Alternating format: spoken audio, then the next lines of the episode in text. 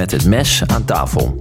De chirurgische podcast waar we een blik achter de schermen werpen bij de top van ons vakgebied. Deze podcast werd mede mogelijk gemaakt door Gore Medical en het Elisabeth II Stedenziekenhuis. Beste luisteraars, vandaag met het mes aan tafel met Jeroen Klaas, Lars Brouwers en Anne Kuijer. Het aneurysma van de aorta abdominalis. Er zijn weinig gebieden binnen de chirurgie waarin meer ontwikkeling is geweest dan voor de behandeling van het 3 keer A. Een tikkende tijdbom of valt het allemaal wel mee? Een stent erin en klaar of toch oldschool open procedure? Leiden we vaatchirurgen op die überhaupt een open buis kunnen innaaien? Of worden de vaatchirurgen in de toekomst opgeleid tot interventieradiologen? We zijn te gast bij dokter Jan Heiligers en professor dokter Patrick Vriends, beide vaatchirurgen in het Elisabeth II Steden ziekenhuis. Jan is sinds 2007 werkzaam in het ETZ en opgeleid in het UMCU door professor Mol, emeritus hoogleraar vaatchirurgie en pionier van de moderne vaatchirurgie. Tweemaal verkozen tot best chirurg van Nederland, dus onder die grootheid is hij opgeleid. In 2006 promoveerde Jan op de duurzaamheid van kunststof bloedvaten. En tegenwoordig begeleidt Jan veel innovatief vaatonderzoek en opereert hij abdominale aneurysma's in de cloud. Maar daarover later meer. Patrick werkt sinds 2005 in het ETZ als vaatchirurg en chirurg bij kinderen. Opgeleid in Leiden, Rode Kruis en het Juliana Kinderziekenhuis. En gepromoveerd bij de cardiovasculaire chirurgie in Stanford. Op het gebied van alo- en xenotransplantatie. Sinds 2013 opleider en sinds 2021 hoogleraar kwaliteit van leven in de medische settingen aan Tilburg University. Patrick verricht als een van de eerste chirurgen een spiraalvenenreconstructie bij een geïnfecteerd aneurysma. Jan en Patrick staan regelmatig op internationale podia om kennis over verschillende vaatchirurgische technieken en innovaties te delen. Per jaar worden er ongeveer 120 aneurysma's geopereerd in het Elisabeth II Steden ziekenhuis in de twee hybride operatiekamers. We gaan praten over de behandeling en toekomstvisie. Jan en Patrick, welkom. Mooi, dankjewel. Dankjewel.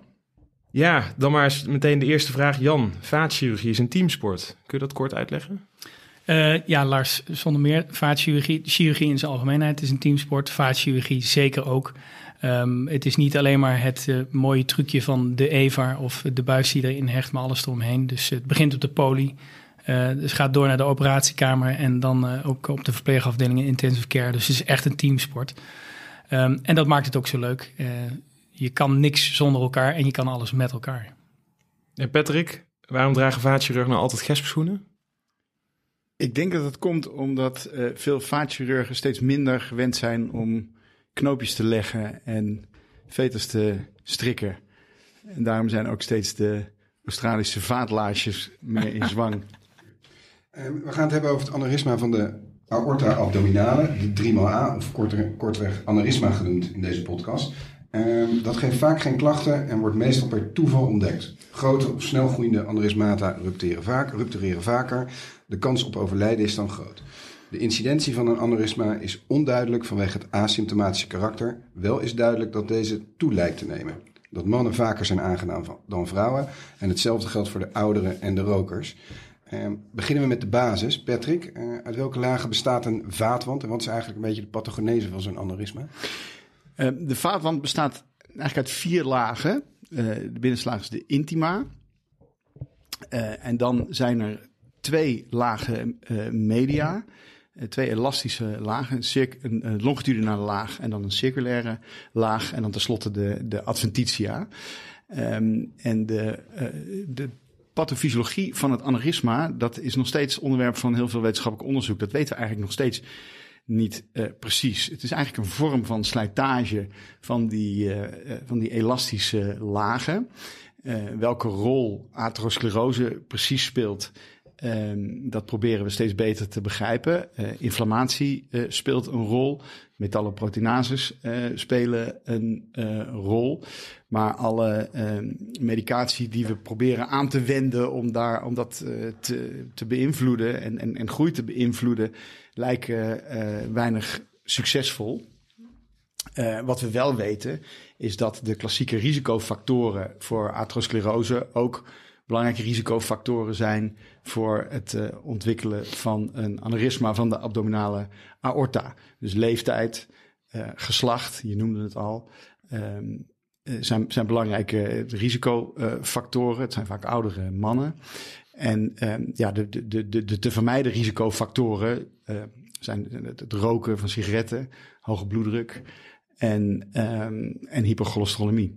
Maakt dan de aneurysma-patiënt, is dat dan dezelfde eh, patiënt als het uh, perifeer uh, arterieel vaatlijden? Ja, het profiel van die mensen is vergelijkbaar.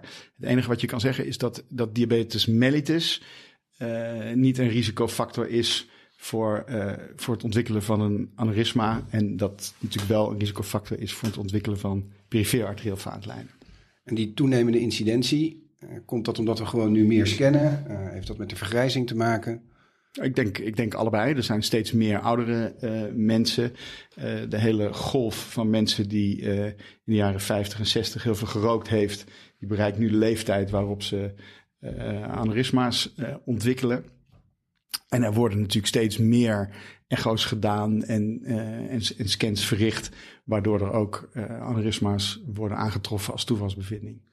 En in het verlengde daarvan vind jij dat we eigenlijk nu toe moeten naar een soort van nationale screening? de aneurysma? Daar, daar is ontzettend veel uh, debat over. Uh, Jan zit al uh, heftig ja te schudden. Knikt heel hard ja voor de luisteraar. Als je um, de algemene populatie gaat screenen op aneurysma's, dan, dan ga je ongeveer 1 op de duizend mensen aantreffen die een aneurysma heeft die behandeling zou behoeven um, volgens, volgens de richtlijn. Dus een aneurysma uh, groter dan 55 uh, millimeter.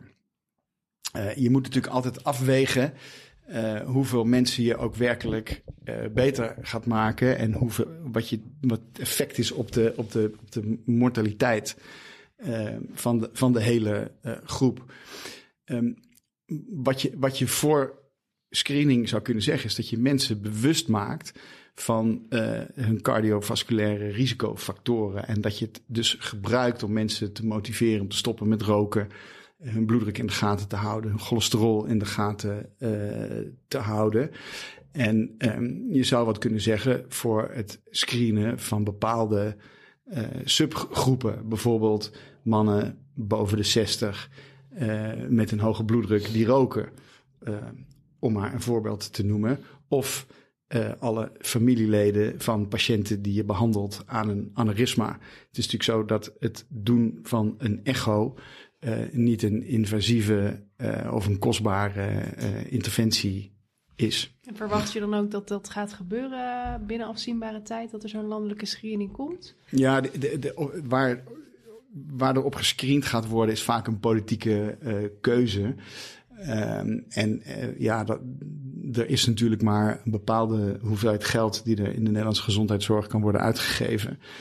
En um, ja, er, er, er, er, wordt voortdurend over, uh, over, over gediscussieerd. En er is ook onder vaatchirurgen veel debat over moeten we dat nou wel doen. Want er, vergeet niet dat er natuurlijk ook nog steeds mensen zijn die gewoon overlijden aan de operaties die we doen uh, voor, voor aneurysma's.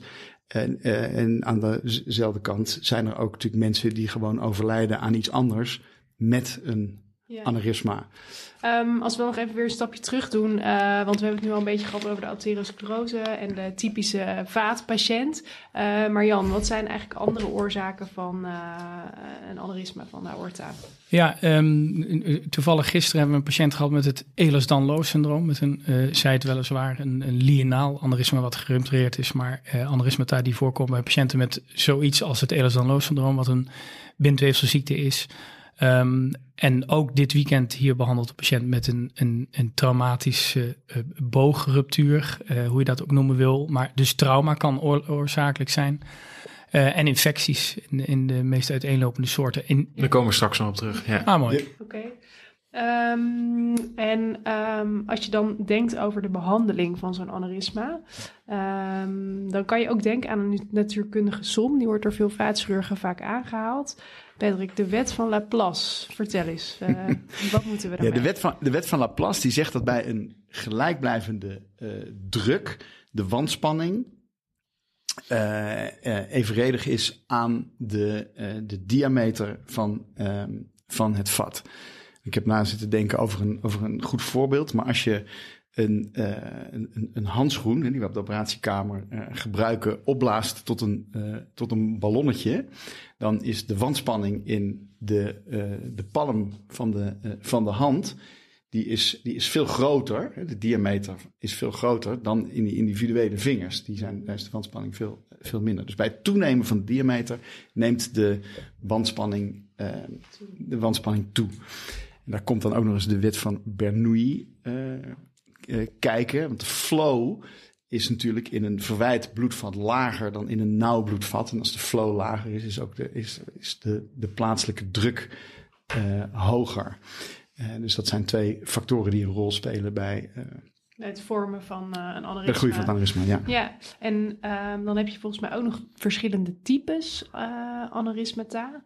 Eh, fusiform, saculair, samengesteld, vals. Eh, wat is nou precies het verschil? En ook, eh, wat is dan het verschil in de ruptuurkans daarvan? Ja, de, de, de atherosclerotische aneurysma's die wij kennen, dat zijn vooral de, de fusiforme eh aneurysma's. En dan heb je de aneurysma's die eh, ontstaan ten gevolge eigenlijk van een, van een plakruptuur. eh, en die dus een hele plaatselijke verwijding geven. Dat noem je de, de saculaire aneurysma's. Dat zijn beide aneurysma's waarbij de hele vaatwand eh, eigenlijk meedoet. Het saculaire aneurysma soms de intima niet. Eh, maar wel die, die, die lagen van de media en de, en de adventitia. Een vals aneurysma, ja, dan, dan is er eigenlijk gewoon sprake van een afgekapseld hematoom. Hè, dat, is, dat is ten gevolge van een, eh, ja, van, van een, van, van een punctie. eh, of ten gevolge van, het, van, van een vaatnaad die dehiscent eh, wordt. Dat kan heel langzaam gaan. Hè, dat kennen we bij de buisprotheses. Tien jaar na dato hebben die een, kunnen die een aneurysma op de naad vormen. Maar we, we kennen het ook acuut, hè, na percutane interventie, dat er, een, dat er een bal in de lies ontstaat. Het is eigenlijk gewoon alleen maar een afgekapseld hematoom met eh, persisterende flow. Dus een, een, een aneurysma spurium of een vals aneurysma is eigenlijk helemaal niks. Niks. En ehm, zo'n saculair aneurysma, eh, ruptureert dat nou eerder dan een fusiform aneurysma? Dat, heel precies weten we dat niet, maar de indruk eh, is wel dat, dat die inderdaad sneller, sneller ruptureren. Eh, omdat het een hele plaatselijke verwijd, eh, eh, verwijding is.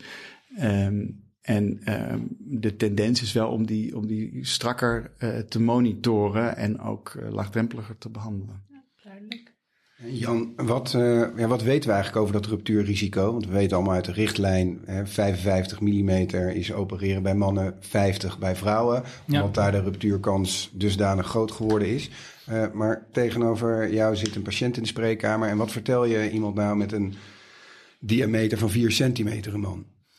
Ehm, het- is al een beetje eerder aangekaart. Mensen denken wel eens naar, en dan nu heb ik dus een tijdbom in mijn buik. Dus er komt echt wel een beetje begeleiding kijken bij wat het is. En het is, eh, wat houdt een aneurysma in? Ik probeer het eenvoudig uit te leggen en zeg, goh, de grote slagader midden in de buik, die, die, die split zich ter hoogte van uw navel. En net daarboven is het wat wijd. En wij noemen zo'n ding, eh, als die verwijt is, die aorta vanaf 3 centimeter, noemen we het een aneurysma. En bij u is hij maar 4 centimeter. En eh, dat had u gisteren ook al, en een half jaar geleden ook al, en vorig jaar ook al. En dat houdt u nog wel een tijdje vol. Eh, en we houden dat in de gaten. En er is geen enkele reden om daar een operatie bijvoorbeeld voor te doen. Eh, dus dat houden we in de gaten. En dat doen we door een echo te maken. En eh, die maken we dan over een jaar weer, als dat ding 4 centimeter in omvang is. Dus het, het, het is denk ik de bedoeling dat je enigszins je patiënt, eh, behalve uitleg wat er, wat er aan hand is, ook echt wel probeert gerust te stellen. Als we dan doorgaan op de verschillende diameters, want je zegt 4 centimeter, ja, oké, dat behandelen we niet. Ja. Maar als we dan Voor door. vrouwen 5 centimeter is de, eh, de consensus nog steeds en altijd wereldwijd, mannen 5,5 centimeter.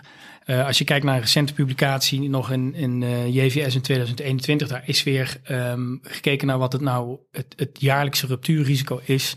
Bij vrouwen eh, tot de 5,5 centimeter, tussen 5 en, en, en 5,4 centimeter, een jaarlijks ruptuurrisico van 3,4 procent. Eh, en dan, dan hebben we het, hè, die mannen die behandelen al vanaf 5,5 centimeter. En het meest recente onderzoek, waarbij toch meer dan 3000 patiënten hebben meegedaan, bijna 3300, dan is dat tussen de 5,5 en de 6 centimeter 3,2 procent. En boven die 6 uh, centimeter begint het een beetje. Dan wordt je jaarlijkse ruptuurkans 6 procent. En boven de 7 centimeter in dit cohort 18 procent. En hè, dus er is een groot verschil tussen een patiënt die tegenover je zit met een aneurysma van 4 centimeter uh, of 7 centimeter. Ja, ik, ik, ik, zeg dat ook letterlijk wel eens tegen patiënten. Van we denken dat de, de, de, kans op ruptuur echt pas serieus wordt boven de 7 centimeter. En daar gaan we natuurlijk niet op wachten. we zullen u in de gaten houden en behandelen voordat het zover is. Maar, eh, maar boven de 5, 6, eigenlijk meer vanaf de 6 centimeter exponentieel. Ja, uh, 6 centimeter exponentieel. En die getallen die, die, die ik net noemde, die kun je dus een beetje eh, onthouden als, als dat, dit wel uh, is hoe het anno nu is. Hè, want het is van, van recent die data. Waarbij er dus ook een, een cohort aan patiënten niet behandeld is, want anders kom je daar niet achter. Um, en nou ja, de, de consensus is vrouwen vanaf 5 centimeter, mannen vanaf 5,5. Maar dan heb je het alleen maar over diameter en dan heb je het niet over um, wie zit er tegenover jou. Dat en dat is super belangrijk. De, de, de, anatomische kenmerken van het aneurysma en met name de, de nek uh, en, de, en, de, en de fysieke conditie van de patiënt die er tegenover je zit, zijn natuurlijk ontzettend belangrijk. En je kan bij bepaalde mensen natuurlijk best ervoor kiezen dat je niet zozeer uh, een operatie uh, afblaast of besluit om geen operatie te doen. Maar je kan ook besluiten om nog geen operatie te doen. Dus gewoon bij een individuele patiënt de beslissing nemen dat je bij een wat grotere diameter pas besluit om een operatie te doen, omdat gewoon de risico's van de interventie hoger zijn en uh, bij een kleinere diameter nog niet opwegen tegen de ruptuurkans. Je had het over een, een echo, hè? je volgt op met een echo. Um, hoe is de diagnostiek heel in het kort? Uh, echo, CTA, duplex, uh, hoe bepaal je de diameter? Uh, echo is zeg maar de, de meest gebruikte modaliteit. Dan wil je in voor-achterwaartse richting AP wil je de diameter weten. Um, als het tot 4 centimeter doe je dat één keer per drie jaar, tussen de 4 en de 5 centimeter jaarlijks. En boven de 5 centimeter bij mannen, hè, want bij vrouwen moet je, of mag je dan al overwegen om uh, te gaan interveneren. En bij uh, boven die 5 centimeter ga je naar één keer per drie tot zes maanden. Dat is het echo. Wat een, als iemand in de buurt zit, maar, uh, zeg maar zit van die. Stel je hebt een vrouw en op de echo zie je 5,1 centimeter, dan maak je een CTA. Dan zeg ik vaker nog tegen patiënten, nou dan gaan we nu een CT-scan doen. Dat is een ander soort onderzoek. En dan moet je niet schrikken als daar dan opeens 5,3 of 5,6 centimeter uitkomt. Want dat zijn andere meetmodaliteiten. Maar, maar dit, alle uh, gegevens die we hebben waarmee we werken zijn gebaseerd op het doen van een goed echo-onderzoek AP-richting. En, en maar uit, als je volgens echo vergelijkt met een CT, dan, dan hè, een echo is altijd ongeveer. Dan heb je een CT nieuwe meting en dan blijkt het toch altijd weer een paar millimeter um, uit elkaar te liggen in vergelijking met de echo. En bovendien meet radioloog altijd net wat anders dan de vaatchirurg. Hoe moet je nou precies meten op een CTA? Als je, als je een CT-scan pakt, de, als je het het sagittale vlak pakt, dan kun je mooi van voor naar achter meten, zeg maar. En, uh, loodrecht. Uh, ja, loodrecht. Dan probeer je het loodrecht, loodrecht op, op het centerlumenlijn. Ja. En, dat, en ook de richtlijn uh, voor het doen van echo is loodrecht op, op, het, op het bloedvat. En daar is natuurlijk heel wat inter- en intra-variabiliteit. Um, en, en alle richtlijnen, Jan heeft het al gezegd, maar het is toch wel belangrijk om dat denk ik nog eens te, te herhalen, alle literatuur die we hebben over uh, ruptuurrisico's en uh, indicatie voor interventies, zijn allemaal gebaseerd op echo. Um, en, en, en, daar, en daar moeten we onze zorg nou, dus die 5 centimeter voor vrouwen, 5,5 centimeter bij mannen, dat is allemaal gebaseerd op echo.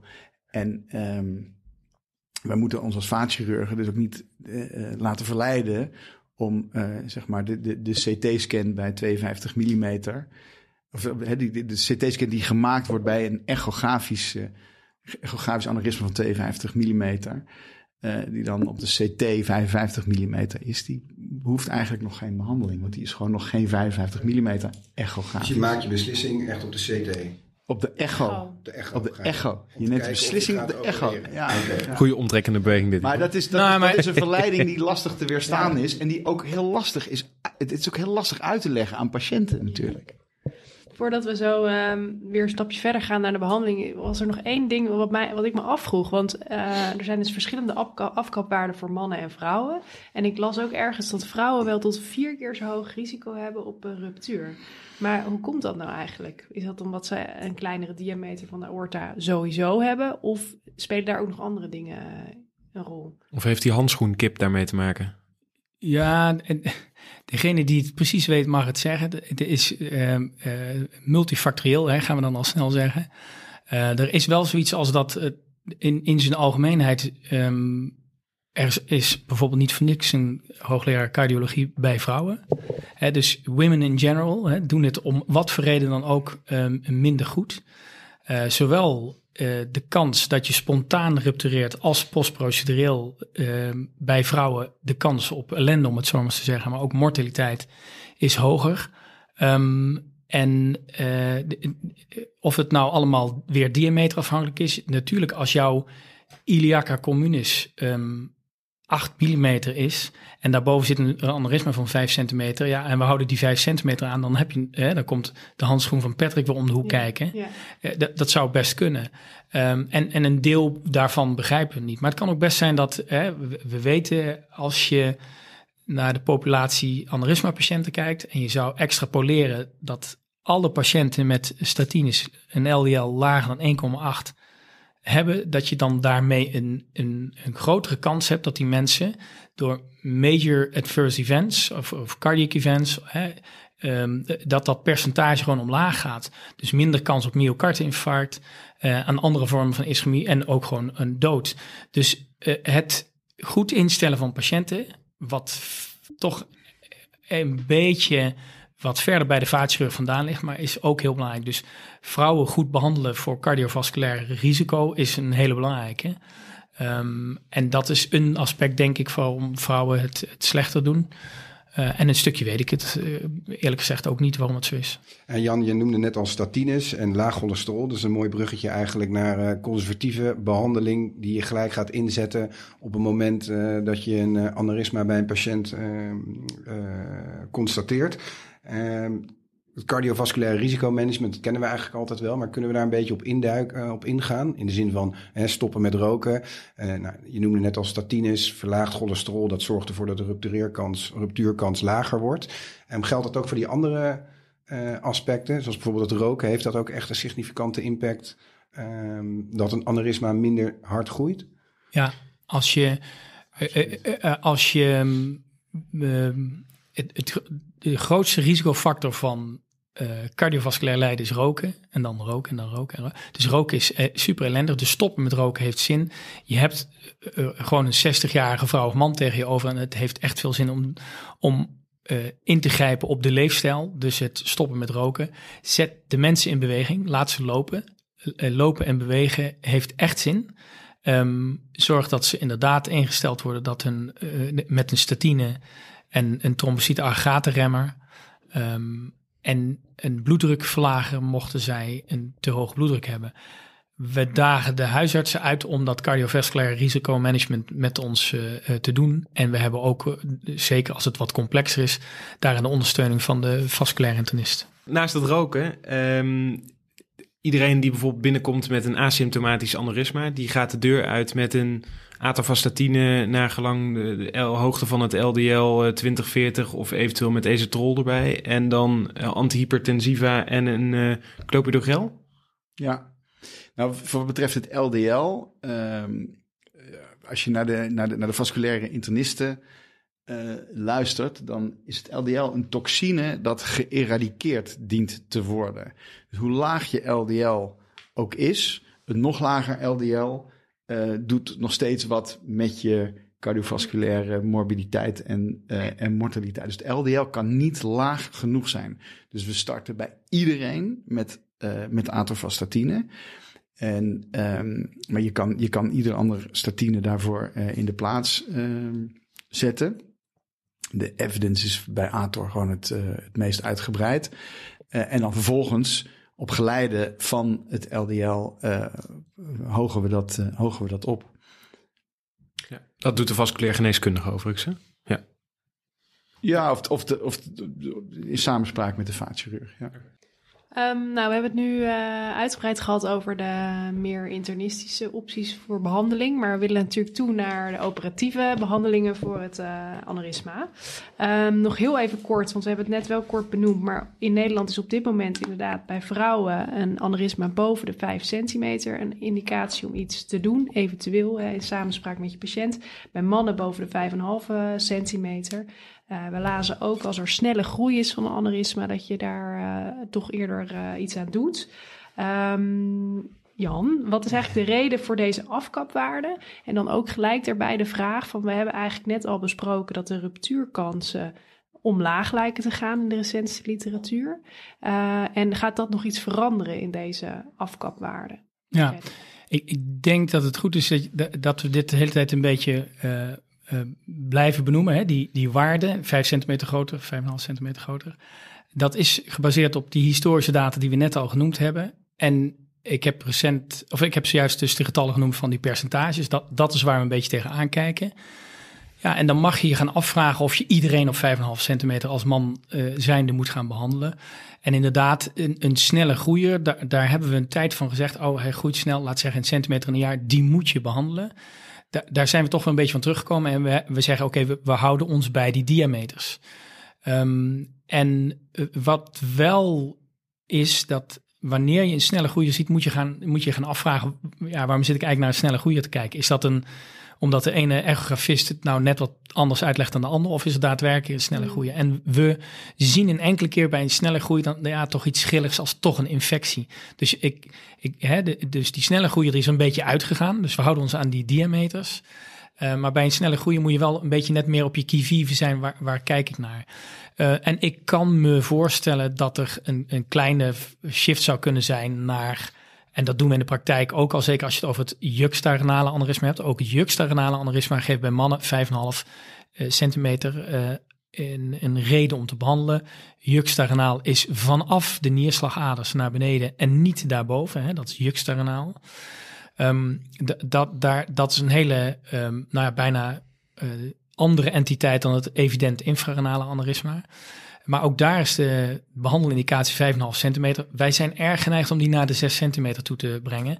En alles wat we in Nederland doen, de DSA, dus de, de, centrale registratie van hoe we goed of hoe slecht we het in alle ziekenhuizen in Nederland doen, daar wordt de laatste tijd heel veel over gepubliceerd. Uh, daar doet iedereen uh, van ons in Nederland aan mee. Uh, en daarin is ook recent gepubliceerd wat de data van het juxtarenale aneurysma is. En dan zie je dat endovasculaire mortaliteit, perioperativ 30 dagen, van 2,5% kent. En als je dat open doet, net boven de 6%. Ja, dat zijn toch wel stevige getallen als je, want dan gaan we het hebben over hè, op wat voor manier behandel je iemand open of endovasculair, ja, ja een verschil hè, van mortaliteit in ons eigen kikkerlandje met deze getallen. Ja, dat zet ons aan het denken. Één, hoe moet je het behandelen? En twee, uh, moet je je houden aan die diameter van 5,5 of mag je dat misschien wel oprekken naar 6? Ja, oké, duidelijk. Um, dan hebben we eigenlijk wel een mooi bruggetje naar de, inderdaad de endovasculaire behandeling. Hè, want we, we kunnen dus een aneurysma open of endovasculair behandelen. Um, ruim 30 jaar geleden verrichtten Parodi en Palmas de eerste endovasculaire aorta repair. Eh, ook wel de EVAR genoemd. Um, en de voordelen van deze endovasculaire repair zouden een sneller herstel uh, zijn. het minimaal invasieve karakter en een lagere mortaliteit van 1,7% versus open een mortaliteit van 4,9%. Maar deze endovasculaire behandeling kan ook gepaard gaan met juist wat meer late complicaties, zoals endoleaks, verzakkingen van stents en uh, het vereist een geschikte anatomie. Dus de ESVS raadt een open chirurgische behandeling aan bij patiënten met een lange levensverwachting, langer dan 10 à 15 jaar. Maar inmiddels worden wel bijna 80% van de electieve aneurysma's middels een EVAR behandeld. Um, Patrick, wat zijn dan de voorwaarden voor het plaatsen van een EVAR? Anatomisch gezien. Nou, het moet natuurlijk gewoon kunnen. En dat betekent dat er een, um, een, een goede seal moet worden uh, verkregen onder de nierslagaders en een goede uh, fixatie. Dat betekent dat die, dat die nek aan bepaald, hè, dus de, de ruimte van, uh, die je hebt onder de nierslagaders, het stuk gezond uh, aorta-weefsel waar je een prothese kan, um, eh, kan plaatsen, moet, moet, moet voldoende zijn, moet aan een aantal eisen eh, voldoen. En dat, dat, dat hangt af, een klein beetje af van welke, ehm, welke prothese je, je kiest. Maar, en, die, en, die, en die grenzen worden steeds verder opgezocht. We gaan eruit dat je minimaal een centimeter, eigenlijk anderhalf centimeter, infarenale hals nodig hebt in lengte. Uh, daarnaast zijn er voorwaarden aan de, aan de angulatie van die, uh, van die hals. Er zijn protheses op dit moment in de, in de markt die ook hele geanguleerde halzen zouden kunnen uh, behandelen. En waarbij je tot, tot, tot 90 uh, graden, ehm, maar waarbij je dan wel bij een, een, een, hals van 90 graden wel een lengte van anderhalve centimeter ziel wil, wil bereiken. Um, en ehm, nou ja, bij, bij, bij een minder steile hoek misschien wat, uh, wat minder lengte nodig hebt. Daarnaast kijk je naar, uh, naar verkalkingen en trombes uh, ter hoogte van de, van de hals. Je kan je natuurlijk voorstellen dat wanneer de trombus in de hals zit, zo'n zo'n prothese zich gewoon niet goed kan, kan hechten. Entreeplaatsen? Ja. Nou, dan, dan ook de, de entreeplaatsen. Er moet natuurlijk voldoende toegang zijn om, uh, om een uh, endovasculaire procedure te kunnen, uh, te kunnen doen. Dus dat betekent open iliacale vaten. En ook daar wil je een bepaalde lengte en een bepaalde diameter hebben van, van, van, je toegangsvaten. Zowel iliacaal als natuurlijk ook in de arteria femoralis communis, waar je de, waar je de, de toegang verkrijgt tot het centrale arteriële systeem. En zeker bij de de percutane uh, procedures wordt er natuurlijk ook naar die femoraal vaten uh, gekeken. En in nierfunctie, is dat nog belangrijk? Met het oog op uh, contrast wat je gebruikt bij een endovasculaire ingreep? Ja, zeker. Het, het, het, nierfunctie is heel belangrijk. Het is, dat, is, dat is tweeledig. Hè? Mensen met een slechte nierfunctie hebben een slechtere prognose. Dus de uitkomst van mensen die behandeld worden, um, daar, is de, daar is de nierfunctie um, een, een, een, een, een, voorspeller. Een slechte nierfunctie is een voorspeller voor slechte uitkomst. Dat enerzijds. En anderzijds is natuurlijk de hoeveelheid contrast um, die je toedient tijdens de uh, procedure. Uh, ja, dat, dat, moet maar verwerkt worden door die, door die, door die nieren. En wij zijn ontzettend bezig uh, om de hoeveelheid contrast die nodig is tijdens interventies zoveel mogelijk terug te brengen. Daar kan Jan een hoop over, um, over vertellen. Maar we gebruiken bijvoorbeeld Vessel navigatie met SIDAR. Mm. Ja, nou, volgens mij komen we daar later, komen we daar, komen we later op terug. Ja. Wat nog wel een aardige is als je het hebt over, en dat, dat is er eentje om te onthouden, als je uh, wil weten of een uh, recht op een neer EVAR uh, geschikt is. Hè, dus we laten even de gefenestreerde en de branched EVAR's nu even achterwege. Uh, dan kun je het acroniem SWAG uh, gebruiken. Dus als je een short neck hebt, een wide, angulated of conical, dat, dat zijn een beetje hostile necks, zeg maar. Dus um, swag klinkt hip, maar als je in een swag issue zit, dan uh, moet je een andere manier bedenken voor het aneurysma dan een recht op en neer EVAR. Heb je en, dus eigenlijk over de ASG score. Ja, en die, die is op deze manier wat makkelijk te onthouden. En, en trombus en, en te veel gecalcificeerde hals. Dat, dat zijn voorspellers voor een slechte behandeling op de wat langere termijn. Dus je, je wat we uh, in die 30 plus jaar geleerd hebben, is je, je kan overal een EVA instoppen. We hebben zelfs uh, dingen gedaan en nog steeds dat je soms denkt, beste dokter had je dat zo nou moeten doen. Maar het is natuurlijk fantastisch als je als arts een operatie doet. Uh, je, je, gaat uh, onder, helaas niet onder luid applaus, maar je gaat tevreden de, operatiekamer uit. Want ja, het is allemaal goed gegaan. Maar een half jaar later blijkt toch dat je probleem A, B of C nog steeds hebt. Um, en dat is natuurlijk het verleidelijk een beetje van die endovasculaire behandeling. Wat, wat, want het gaat zo makkelijk, het kan wel. En oh, laten we dat hele korte nekje met deze oplossing dan toch ook maar gewoon behandelen. Want ja, de patiënt weer huis, het is allemaal wel goed. Maar de vraag komt, dringt zich dan direct op of je een goede behandeling hebt gegeven. de essentie is van gezond naar gezond. Daar moet je doen. Bovenin moet het gezond zijn. Onderin waar je land moet het ook gezond zijn. Dus je moet goede seal hebben. Ja. Een goede seal en goede fixatie. Hij moet ook, hij moet ook vastzitten. En het aardige is, als, als um, aanvulling op wat, wat, wat Jan net zegt, um, is, is wat uh, Ted van Schaik in zijn proefschrift heeft geschreven. Dat um, patiënten met een slechte nek het ook slechter doen als ze open uh, behandeld worden. Um, en dat, is, dat is natuurlijk heel interessant. Dus de, de, de slechte nek is ook een indicator uh, voor een uh, slechtere uitkomst van, uh, van behandeling in het hoe, algemeen. Hoe doen ze het dan slechter? Is dat dan dat je dan meer ruptuur daar ook krijgt van de device? Uiteindelijk, nou ja, cardiovasculair, cardiovasculair overlijden. En, ja, ja, ja, cardiovasculair overlijden, ja. Ik denk dat het ook wel een mooi bruggetje is naar um, uh, de Nederlandse Dream uh, studiegroep. Ja. Uh, was een grote Nederlandse studie geweest. Ze randomiseerden ruim 300 patiënten tussen EVAR of open repair. En vonden dus eigenlijk dat er geen verschil was in aneurysma-specifieke overleving tussen de twee groepen. Maar dat er wel significant meer re-interventies nodig waren in de EVAR-groep. Bijna 30 procent, 1 op de drie patiënten, wat ik persoonlijk best veel vind. Versus 20 procent in de open groep na 12 jaar. Jan, je haalde dat net dus al eventjes aan. Van je kan overal wel zo'n EVAR in uh, stoppen, maar je moet je afvragen of je daar dan goed aan doet. Wat zijn dan de complicaties van de EVAR? Uh, als we ze even opsplitsen in eerste vroege complicaties. wat zie je wel eens na een EVAR? Ja, um, als je kijkt naar wat we aan follow-up doen, hè, want dat, dat is een andere vertaling van je vraag. wat we aan follow-up doen is een kort na de interventie. De een doet het na 30 dagen, de ander doet het na drie maanden. Je maakt een CT-scan en je kijkt weer of je die goede fixatie in ziel gevonden hebt. Um, je ziet toch iets van een endoleak en dat aneurysma blijft stabiel. Ja, dan betekent dat dat je dat blijft vervolgen. Als je het beste wat wij kunnen uh, als resultaat kunnen behalen met een EVAR-behandeling, is dat het aneurysma gaat krimpen. Dat is eigenlijk wat je wil.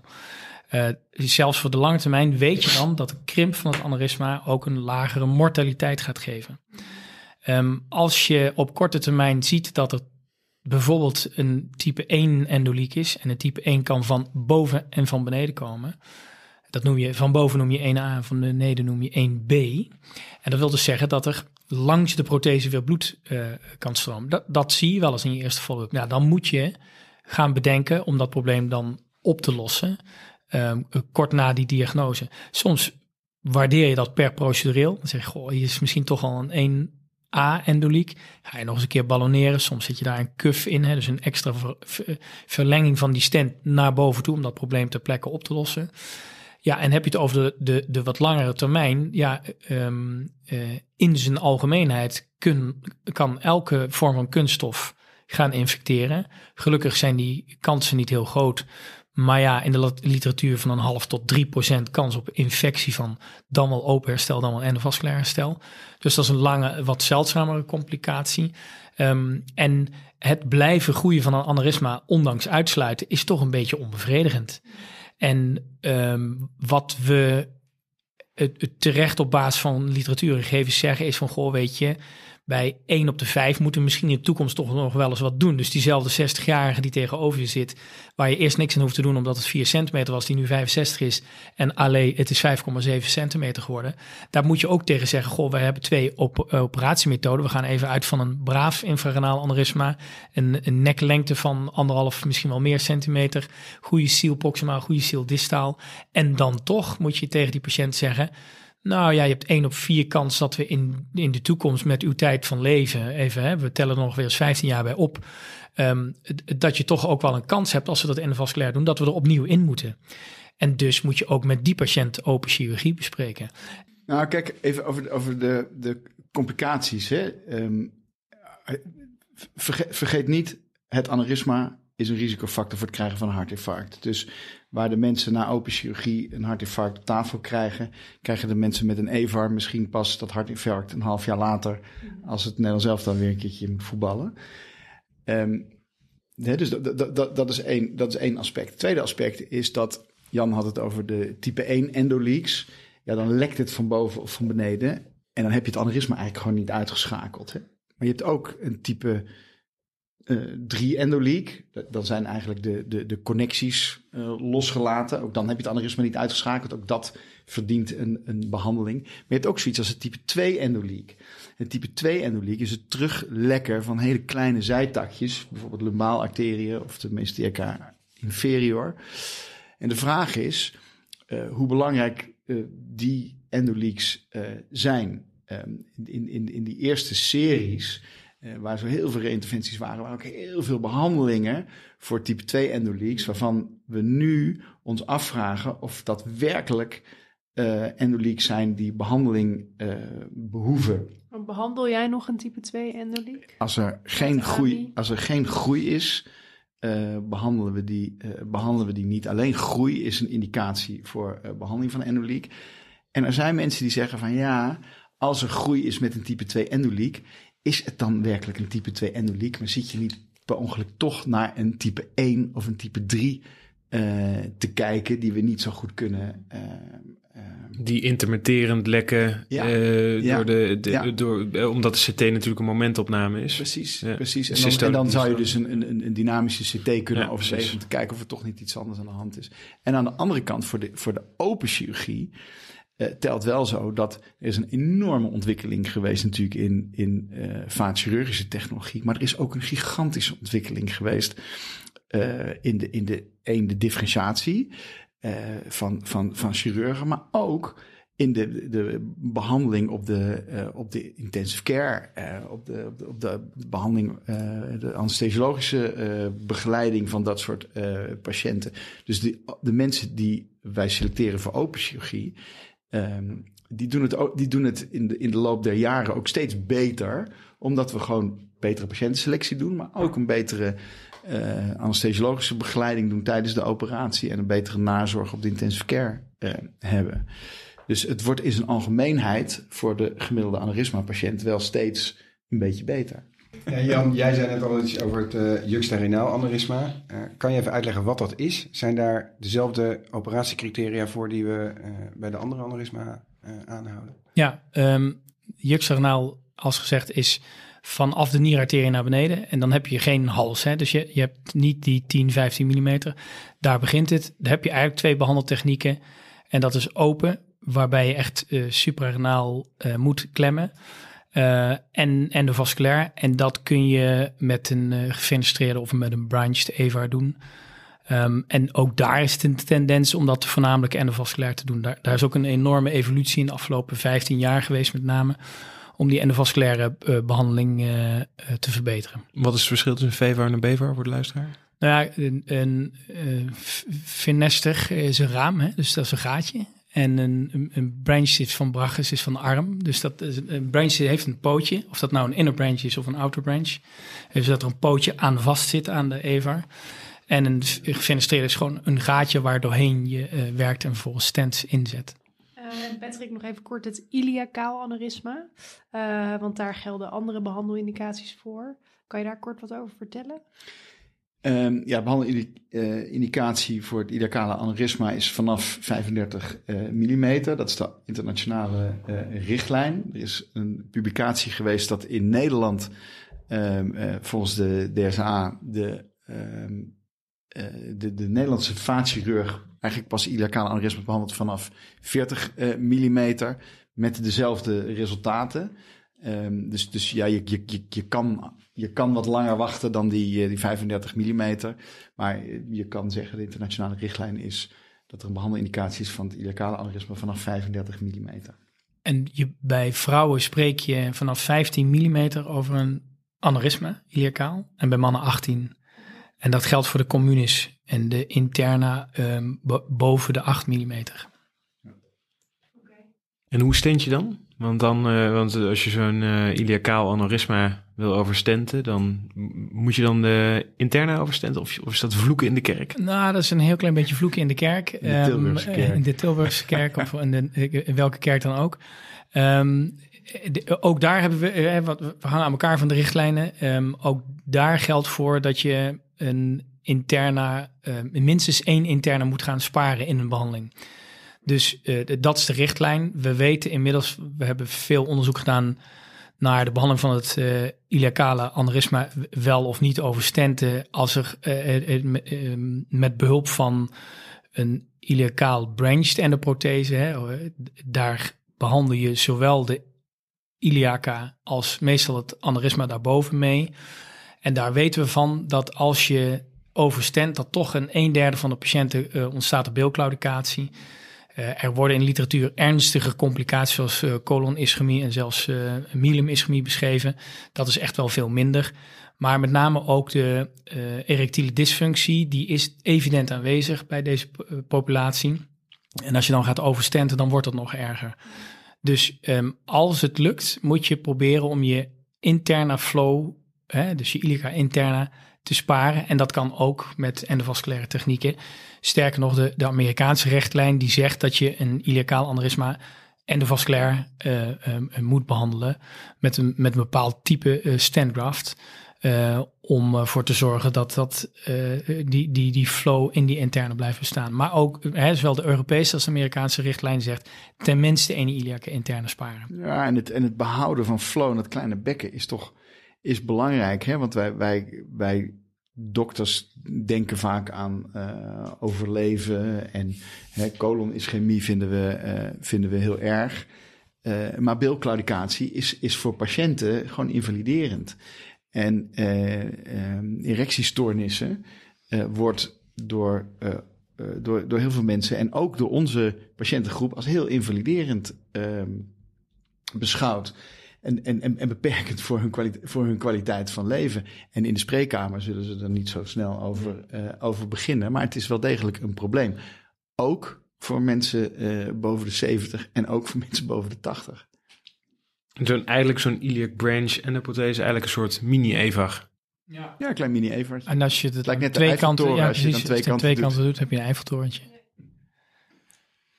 Ja, we hebben het al over de ruptuur we hebben het al over het ruptuurrisico gehad. Maar dan knapt de ballon. Uh, en wat dan? Um, is het dan uh, niet lullen maar vullen op de SCA? Of nee. tegenwoordig permissive hypotension, zoals we dat met uh, mooie woorden zeggen? Ja, permissive, permissive hypertension. Wij, wij, wij leren de mensen bij ons op de spoedeisende hulp dat ze de tensie moet net zo hoog zijn dat mensen nog een beetje urine produceren en nog aanspreekbaar zijn. Dus dat de nieren en het brein nog net voldoende geperfundeerd uh, moeten zijn. En dan maakt het ons niet uit hoe hoog de, um, hoe hoog de bloeddruk is. Um, dus dat, van, dat, van dat niet lullen maar vullen gaan ze alleen maar harder bloeden. Um, en, en, en stollingsproblemen uh, krijgen. bij die uh, hemodynamische instabiliteit, als je die dan toch hebt, is dan zo'n ballon een, nog een idee? Ja, dat, dat, is een, dat is een geweldig idee, de Reboa-ballon. Uh, en toch is het, is het heel moeilijk om de, uh, om de evidence daarvoor, uh, daarvoor te vinden. je moet je goed realiseren dat de patiënten die het ziekenhuis halen met een geruptureerd aneurysma, dat dat een geselecteerde groep patiënten is. Um, ehm, 80% van de mensen die een, een, een ruptuur heeft van aneurysma naar de vrije buikholte, die overlijdt gewoon thuis uh, in bed. Of, of ja, meestal voelen ze druk om naar de wc te gaan. En uh, storten ze daar in elkaar, overlijden ze daar. Um, de mensen die het ziekenhuis halen, is een geselecteerde patiënt met op een of andere manier een, een, getamponeerde, uh, een getamponeerde bloeding. Um, dus als je, we hebben natuurlijk in Nederland een enorme dichtheid van ziekenhuizen, heel dicht op elkaar. De ambulances die zijn als een speer met de patiënt op de eerste hulp. Dus soms zijn er hele instabiele patiënten die op de eerste hulp komen.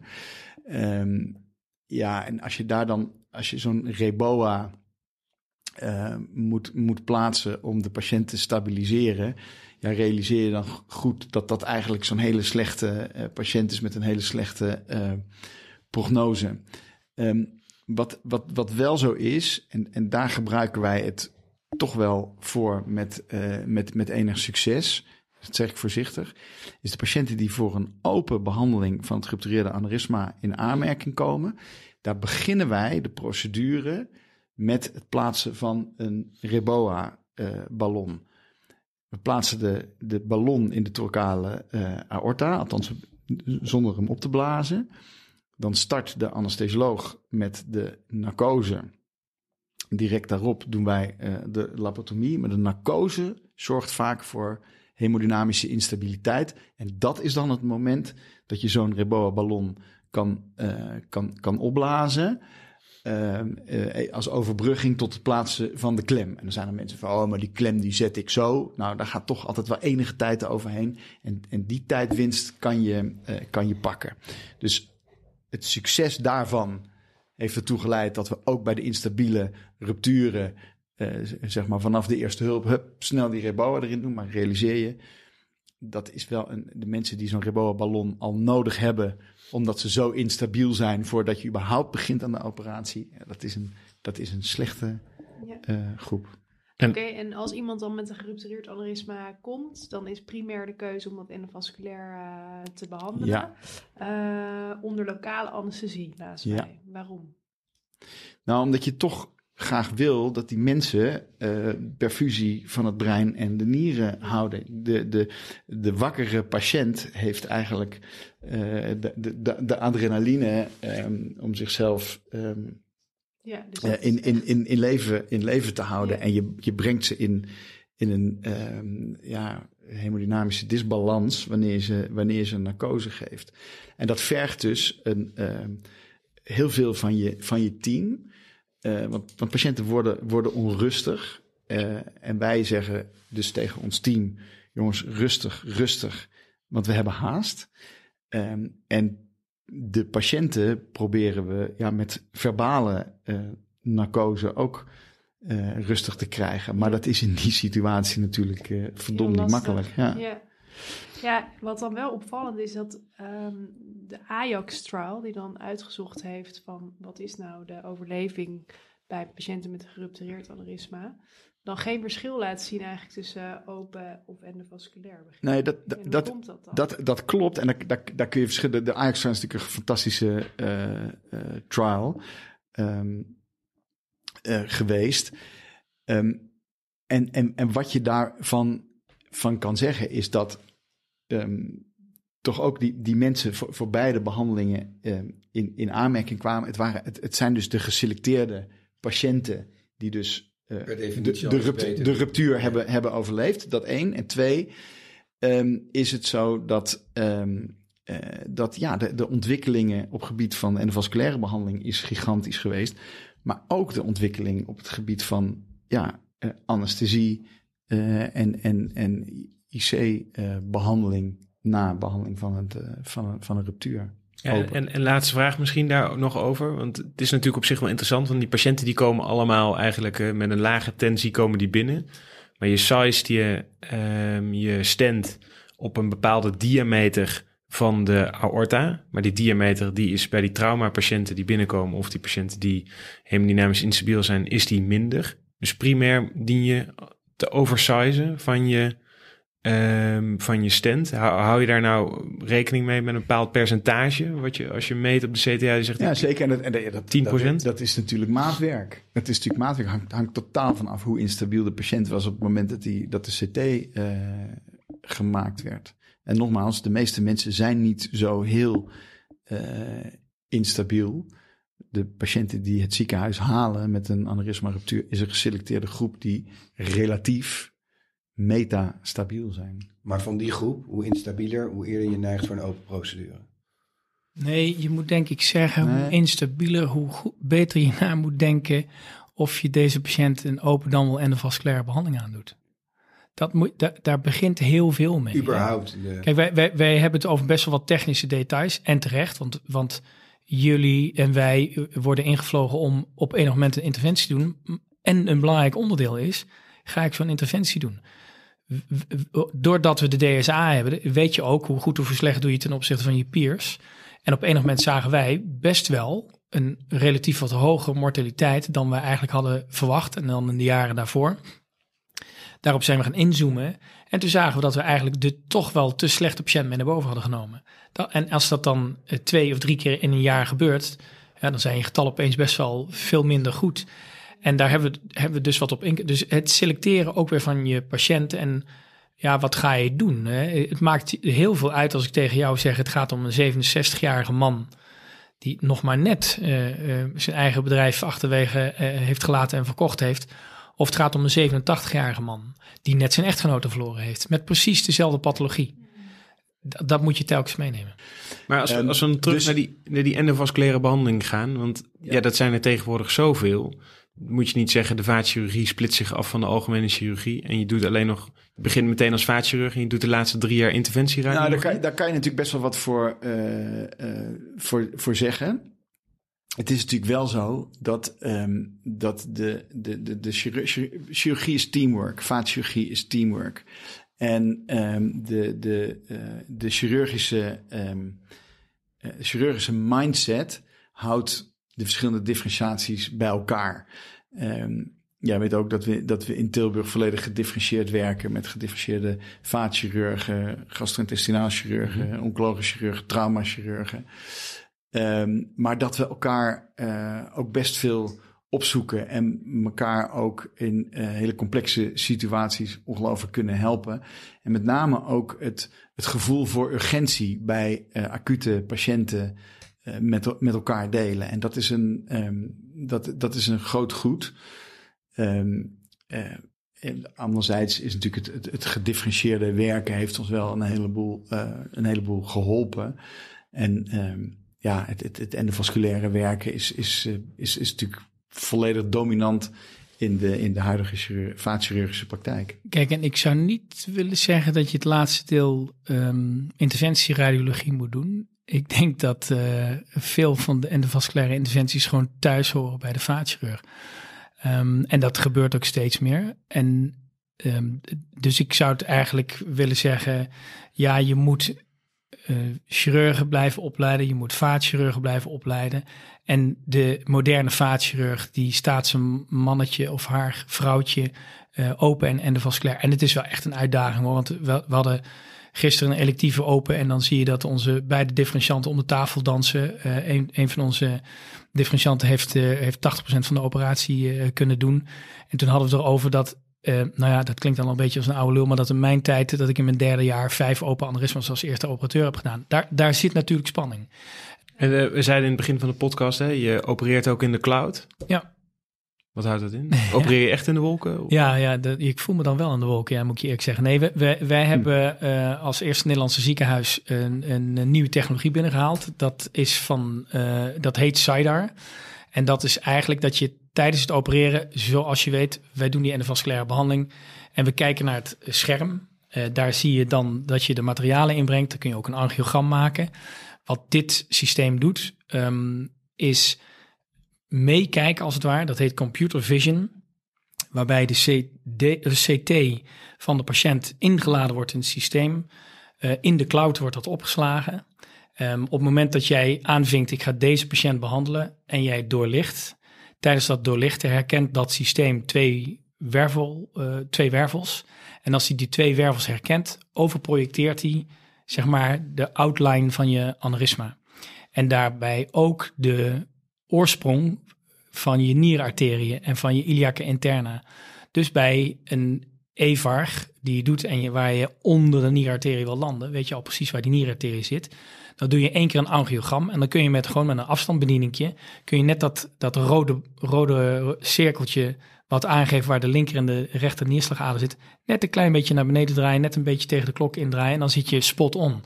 En daarna, elke keer dat jij je C-boog verandert, heeft dat systeem dat opgeslagen en hoef je niet weer een angiogram te geven. Of een angiogram te doen. En de, de voordelen daarvan is dat het, het gaat gewoon wat sneller. Je gebruikt minder contrast. Um, en, en, dat, en je gebruikt ook minder röntgenstralen. Quick for. Um, als afsluiting uh, vragen we altijd nog uh, vier uh, quick for vragen. Dus ook voor jullie. Um, dus graag kort antwoord op de volgende vraag. Patrick, wat is nou je grootste passie buiten het ziekenhuis? Ja, dan moet ik zeggen, mijn gezin. Um, Mooi. en, en, en daarnaast muziek. Maken van muziek. Er is niks mooiers dan met maten muziek maken. Een, tro een trompet, begreep ik. Ja, trompet. Ik uh, ben opgegroeid in Breda en heb nu het uh, geluk dat um, uiteindelijk mijn opleider zei in Den Haag: jij moet terug naar Brabant, Jungske. En um, ik ben ontzettend blij dat ik, uh, in, dat ik in Tilburg mag werken en in Breda mag, mag wonen, waar ik, waar ik inderdaad weer trompet speel in een carnavalsbeentje waar ik als jongen van 13 mee ben begonnen. Leuk. En wat zou je doen als je geen chirurg was geworden, Jan?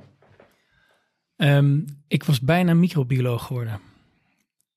Dus ja, ja, ja, kun je het je voorstellen? Ja, ja het was, Zo kan het lopen. Een heel apart verhaal. Ik, ik had een, eh, een, een micro, ik heb ooit gestart met wat wetenschappelijk onderzoek op een microbiologisch eh, lab. En die microbioloog was een, was een vrolijke, clowneske figuur. Zei, kom er eens een wond op een afdeling, daar gaan we naartoe. Dus die maakte wat. En- Maar ik dacht wel, ehm, wat zal het me pijn doen als ik geen chirurg mag zijn en toch in het ziekenhuis rondloop? Financieel was het me veel beter afgegaan als ik microbioloog was. Nou, elke operatie is natuurlijk een, een, eh, microbiologisch experiment. Hè? De- En Patrick, eh, welke tip zou je jezelf geven aan het begin van je carrière slash opleiding? Ehm, blijf toegewijd en hou je hartstocht voor het vak vast. En dat is me gelukkig wel eh, gelukt al die jaren. Maar dat zou ik wel al- alle jonge collega's willen meegeven. Mooi. En eh, Jan, wat is nou de grootste verandering eh, geweest eh, in het bedrijf van de chirurgie gedurende jouw carrière? Ja, 100% het onderwerp waar we het nu eigenlijk over hebben. Zonder enige twijfel. Dus eh, veel innovatie. eh vaatchirurgie is binnen de heelkunde natuurlijk de allermooiste tak van sport. Ehm, en ik denk eh, het aneurysma, dat is echt een mega shift. Duivelse dilemma's. We eindigen ehm, de podcast eigenlijk altijd echt met eh, de duivelse dilemma's. Eh, dus we hebben er voor jullie een, een aantal bedacht. En eh, jullie hebben ze uiteraard niet van tevoren ingezien. Patrick, voor jou de eerste. Een blouse met korte mouwen of een cappuccino na 11 uur s morgens? Kan allebei niet. En is het een blouse of een overhemd? Het is een overhemd.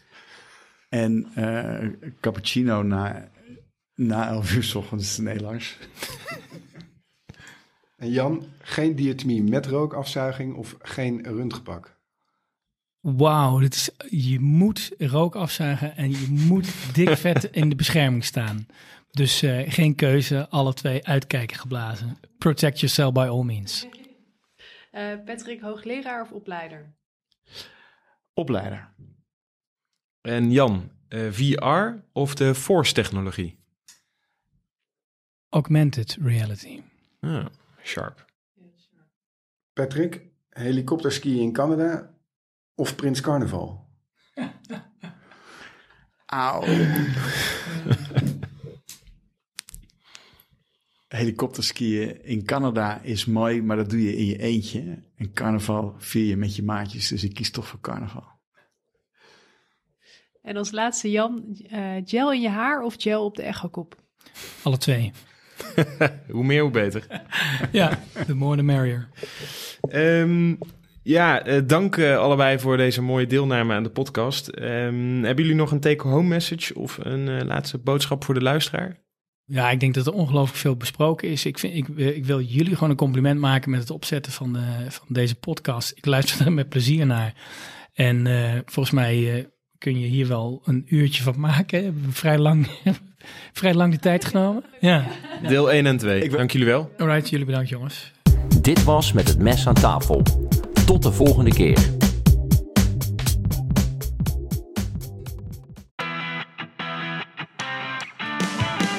Dit is een podcast van Orly Media.